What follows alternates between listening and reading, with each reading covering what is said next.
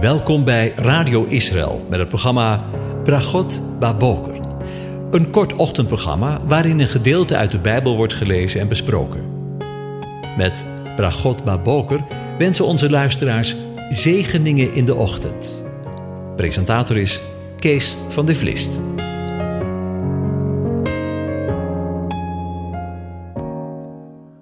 Hartelijk welkom, beste luisteraars. Vanmorgen gaan we weer verder met Psalm 94. Ik lees het aan je voor. O God van alle wraak, Heere, God van alle wraak, verschijn blinkend. Rechter van de aarde, verhef u, vergeld de hoogmoedigen naar wat zij verdienen.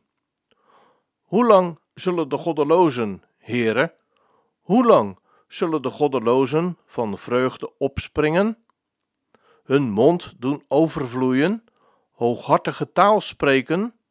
Hoe lang zullen allen die onrecht bedrijven zich beroemen?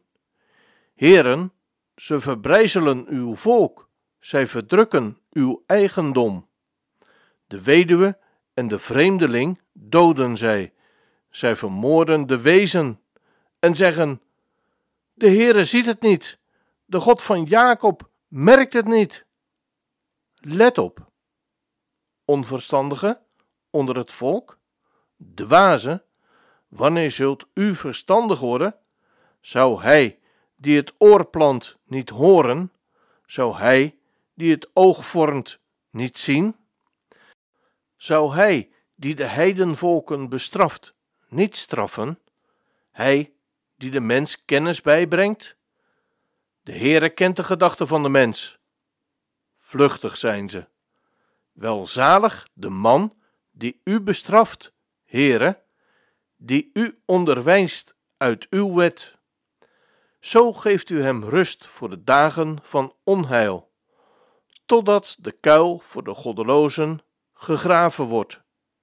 Want de Heere zal zijn volk niet in de steek laten. Hij zal zijn eigendom niet verlaten.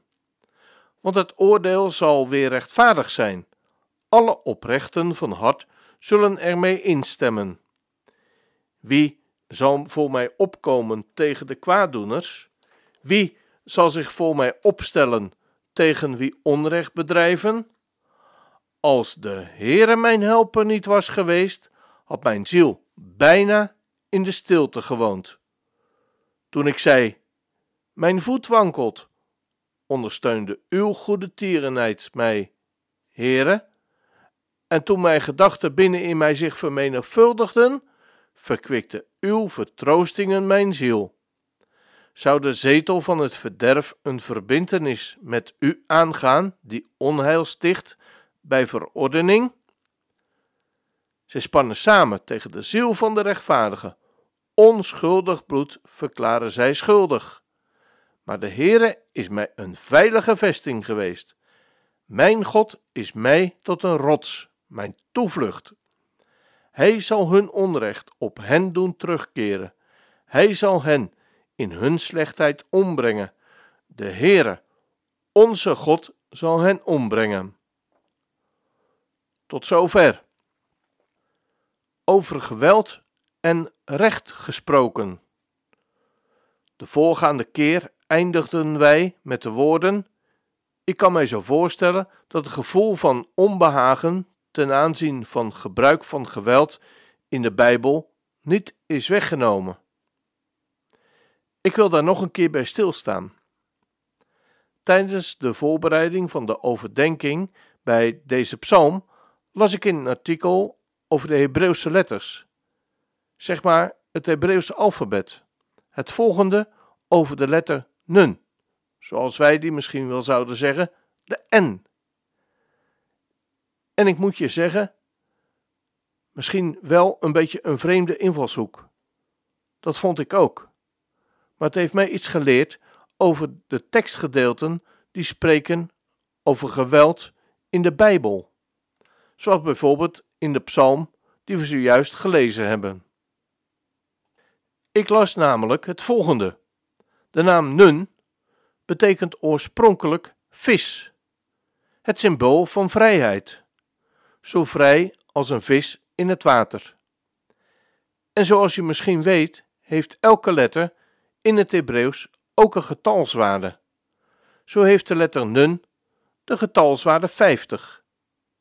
Ik kom daar later nog op terug.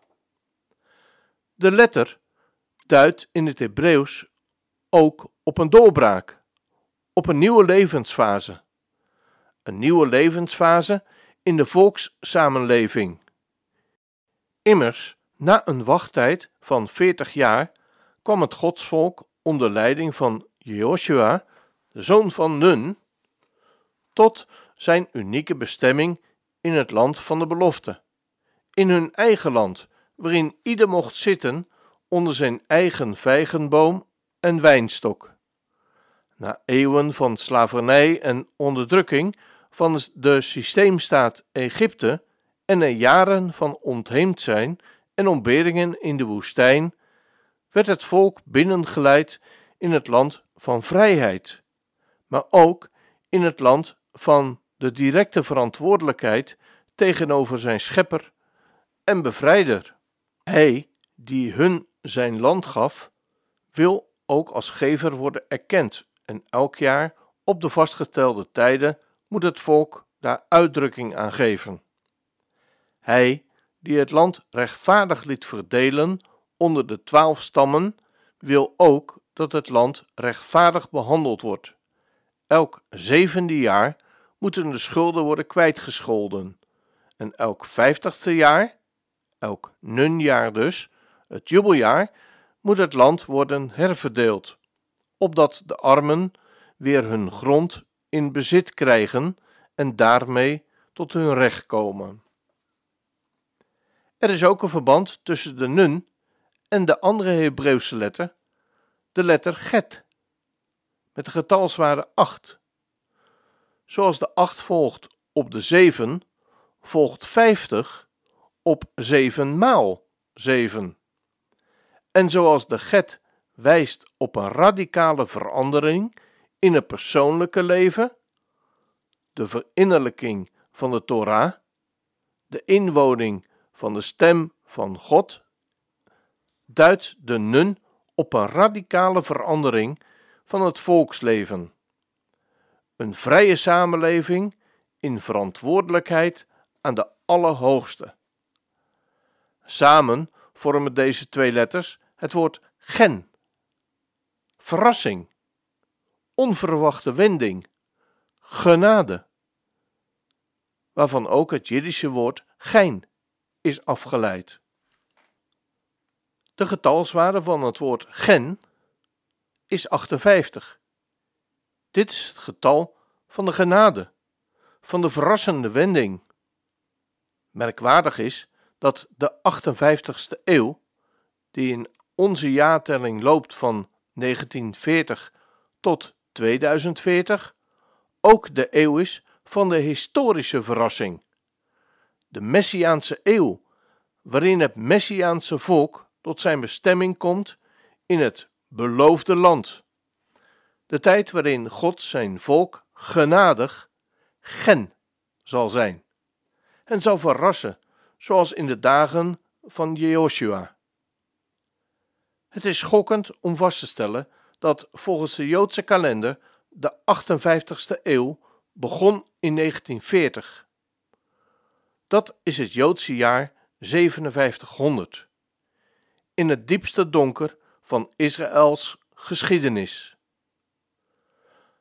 Zoals God zijn schepping begint vanuit de nacht. Het was avond geweest en het was morgen. Zo schiep hij vanuit de nacht van Dachau en Auschwitz de dag van Israëls verlossing. Als een verrassing en uit genade mocht in het achtste jaar na het begin van de 58ste eeuw, in mei 1948, Israël uit het duister van de ballingschap en de dood opstaan en te midden van de volken verschijnen als een vrij volk in een eigen zelfstandige staat in het aan de vaderen beloofde land. De terugkeer naar het beloofde land is een messiaans signaal voor de hele wereld. Eens komt voor de volken het grote jubeljaar, waarin zij tot rust mogen komen op de hun toebedeelde aarde, in samenhorigheid met Gods eersteling, het Joodse volk. Maar met de nun begint ook het Hebreeuwse woord nakam, wat wreken of vergelden betekent. Een woord dat onlosmakelijk met de God van Israël verbonden is. In Nahum 1 vers 2 lezen we immers: Een wreker is de Heere, zeer grimmig. Een wreker is de Heere voor zijn tegenstanders. Vaak wordt deze wrekende God van Israël gesteld tegenover de liefdevolle God van het Nieuwe of Tweede Testament. Deze, deze tegenstelling tussen wet en evangelie is een giftige, satanische constructie die onnoemelijk veel leed gebracht heeft voor het Joodse volk. Israëls God is niet de God van de Siciliaanse, Corsicaanse, Bosnische of Palestijnse bloedwraak, maar de God van het recht, die eist dat de moordenaars terechtgesteld worden.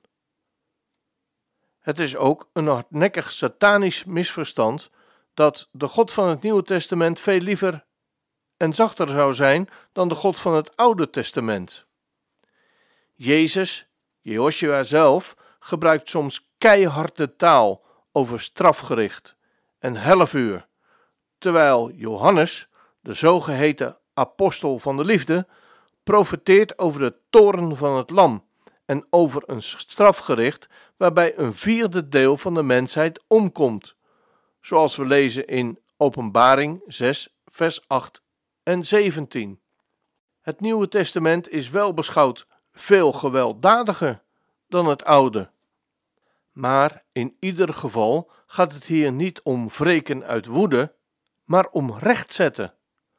Als God het bloed van zijn knechten wreekt, zoals je kunt lezen in Deuteronomium 32, vers 43, dan is hij niet als Lamech, die zijn woede koelt 70 maal 7 maal, zoals we lezen in Genesis 4, vers 24. Maar dan doet hij recht aan zijn verdrukte volk. Het woord nakam of wreken heeft een samenhang met het Hebreeuwse woord voor opstaan. God staat op om recht te doen, om recht te zetten wat scheef of wat helemaal ondersteboven stond. Telkens is in de psalmen klinkt de oproep: Sta op, o God, doe ons recht. Dat de gerichten van God rechtzettingen zijn, geldt ook voor de wraakgerichten over de inwoners van het beloofde land, de Kanaanieten. Na de verwoesting van de Kanaanitische steden, Sodom en Gomorra, wat onmiskenbaar een waarschuwingssignaal was, zo vergaat het ieder die eigen wegen gaat en God de schepper negeert. Hadden de Kanaanieten 400 jaar de tijd gekregen om zich te bekeren. Pas toen de maat van hun ongerechtigheid vol was, zoals we lezen in Genesis 15, kwam God met zijn gerechtsdienaren onder leiding van Jozua. De radicale verwoesting van Jericho, de poort tot het beloofde land, was een laatste, naar achteraf blijkt, vergeefse oproep tot ommekeer. Als laatste dit nog. Er is ook een woordverband tussen nakam, wreken, opstaan en rechtzetten en het Hebreeuwse woord nagam, troosten. De belofte van de komende rechtzettingen door God is voor het godsvolk een bemoediging tijdens de verdrukking. Eens komen er andere tijden. Eens zal God recht doen en alle tranen afwissen. Tot zover wat ik las als een verklaring van Gods gerichten. Ik hoop en bid dat de woorden die in de afgelopen dagen gesproken zijn over dit uiterst gevoelige onderwerp niet verkeerd verstaan of begrepen zullen worden. Alsof ik, handen wringend, zoals Jona, bij zijn boom gaat zitten, afwacht hoe God zijn gericht over deze aarde zal uitvoeren. Ik vind het verschrikkelijk dat Gods gerechten zullen plaatsvinden. En ik zou in dit verband willen zeggen: wie meent te staan, zie toe dat hij niet valt. Zij die de Heere kennen, kom, komt geen enkele wraak toe. Maar wij worden opgeroepen om onze vijanden lief te hebben, zoals we in Romeinen 12 lezen. Ik roep u er dan toe op, broeders, door de ontfermingen van God, om uw lichamen aan God te wijden, als een levend offer, heilig en voor God welbehagelijk. Dat is uw redelijke godsdienst. Dat wil zeggen dat het hier niet gaat om een godsdienst die bestaat uit offeren van dieren, zoals het in het Oude Testament, maar in een geestelijk offer waarbij het met reden begaafde mensen zichzelf geheel aan God toevertrouwen. En wordt niet aan deze wereld gelijkvormig, maar wordt veranderd door de vernieuwing van uw gezindheid, om te kunnen onderscheiden wat het goede, welbehagelijke en volmaakte wil van God is. Want door de genade die mij gegeven is, zeg ik ieder onder u niet hoger te denken dan hij moet denken, maar laat hij denken in bescheidenheid, naar de mate van geloof, zoals God die aan ieder heeft toebedeeld. Want zoals wij één lichaam vele leden hebben en de leden niet alle dezelfde functie hebben, zo zijn wij, hoewel velen, één lichaam in Christus, maar ieder afzonderlijk leden van elkaar. En nu hebben wij genadegaven, onderscheiden naar de genade die ons gegeven is. Het zij profetie naar de mate van het geloof. Het zij dienstbetoon in het dienen.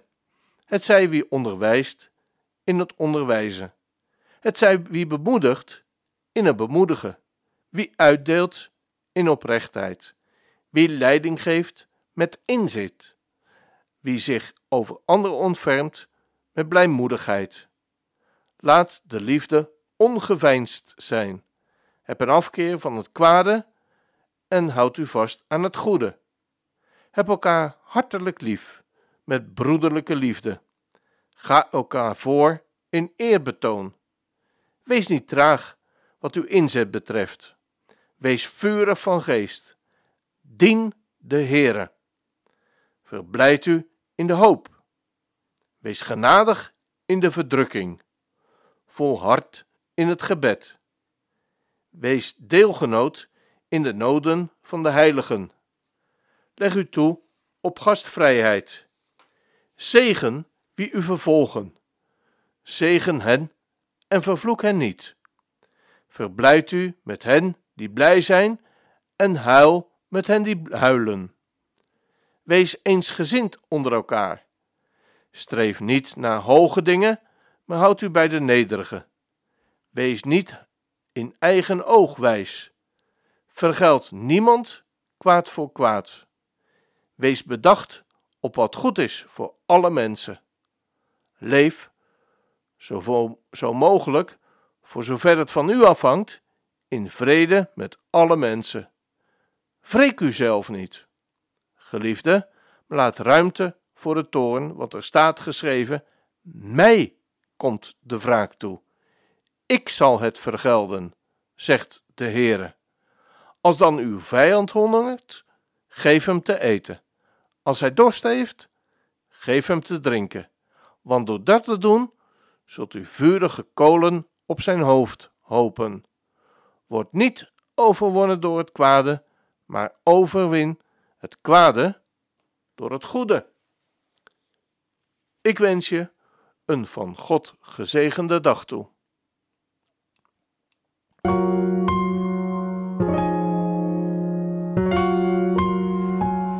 U hebt geluisterd naar het programma Bragot Baboker. Een kort ochtendprogramma waarin een gedeelte uit de Bijbel wordt gelezen en besproken. Wilt u het programma nog eens naluisteren, dan kan dat. Ga naar radioisrael.nl en klik onder het kopje radio op Uitzending gemist.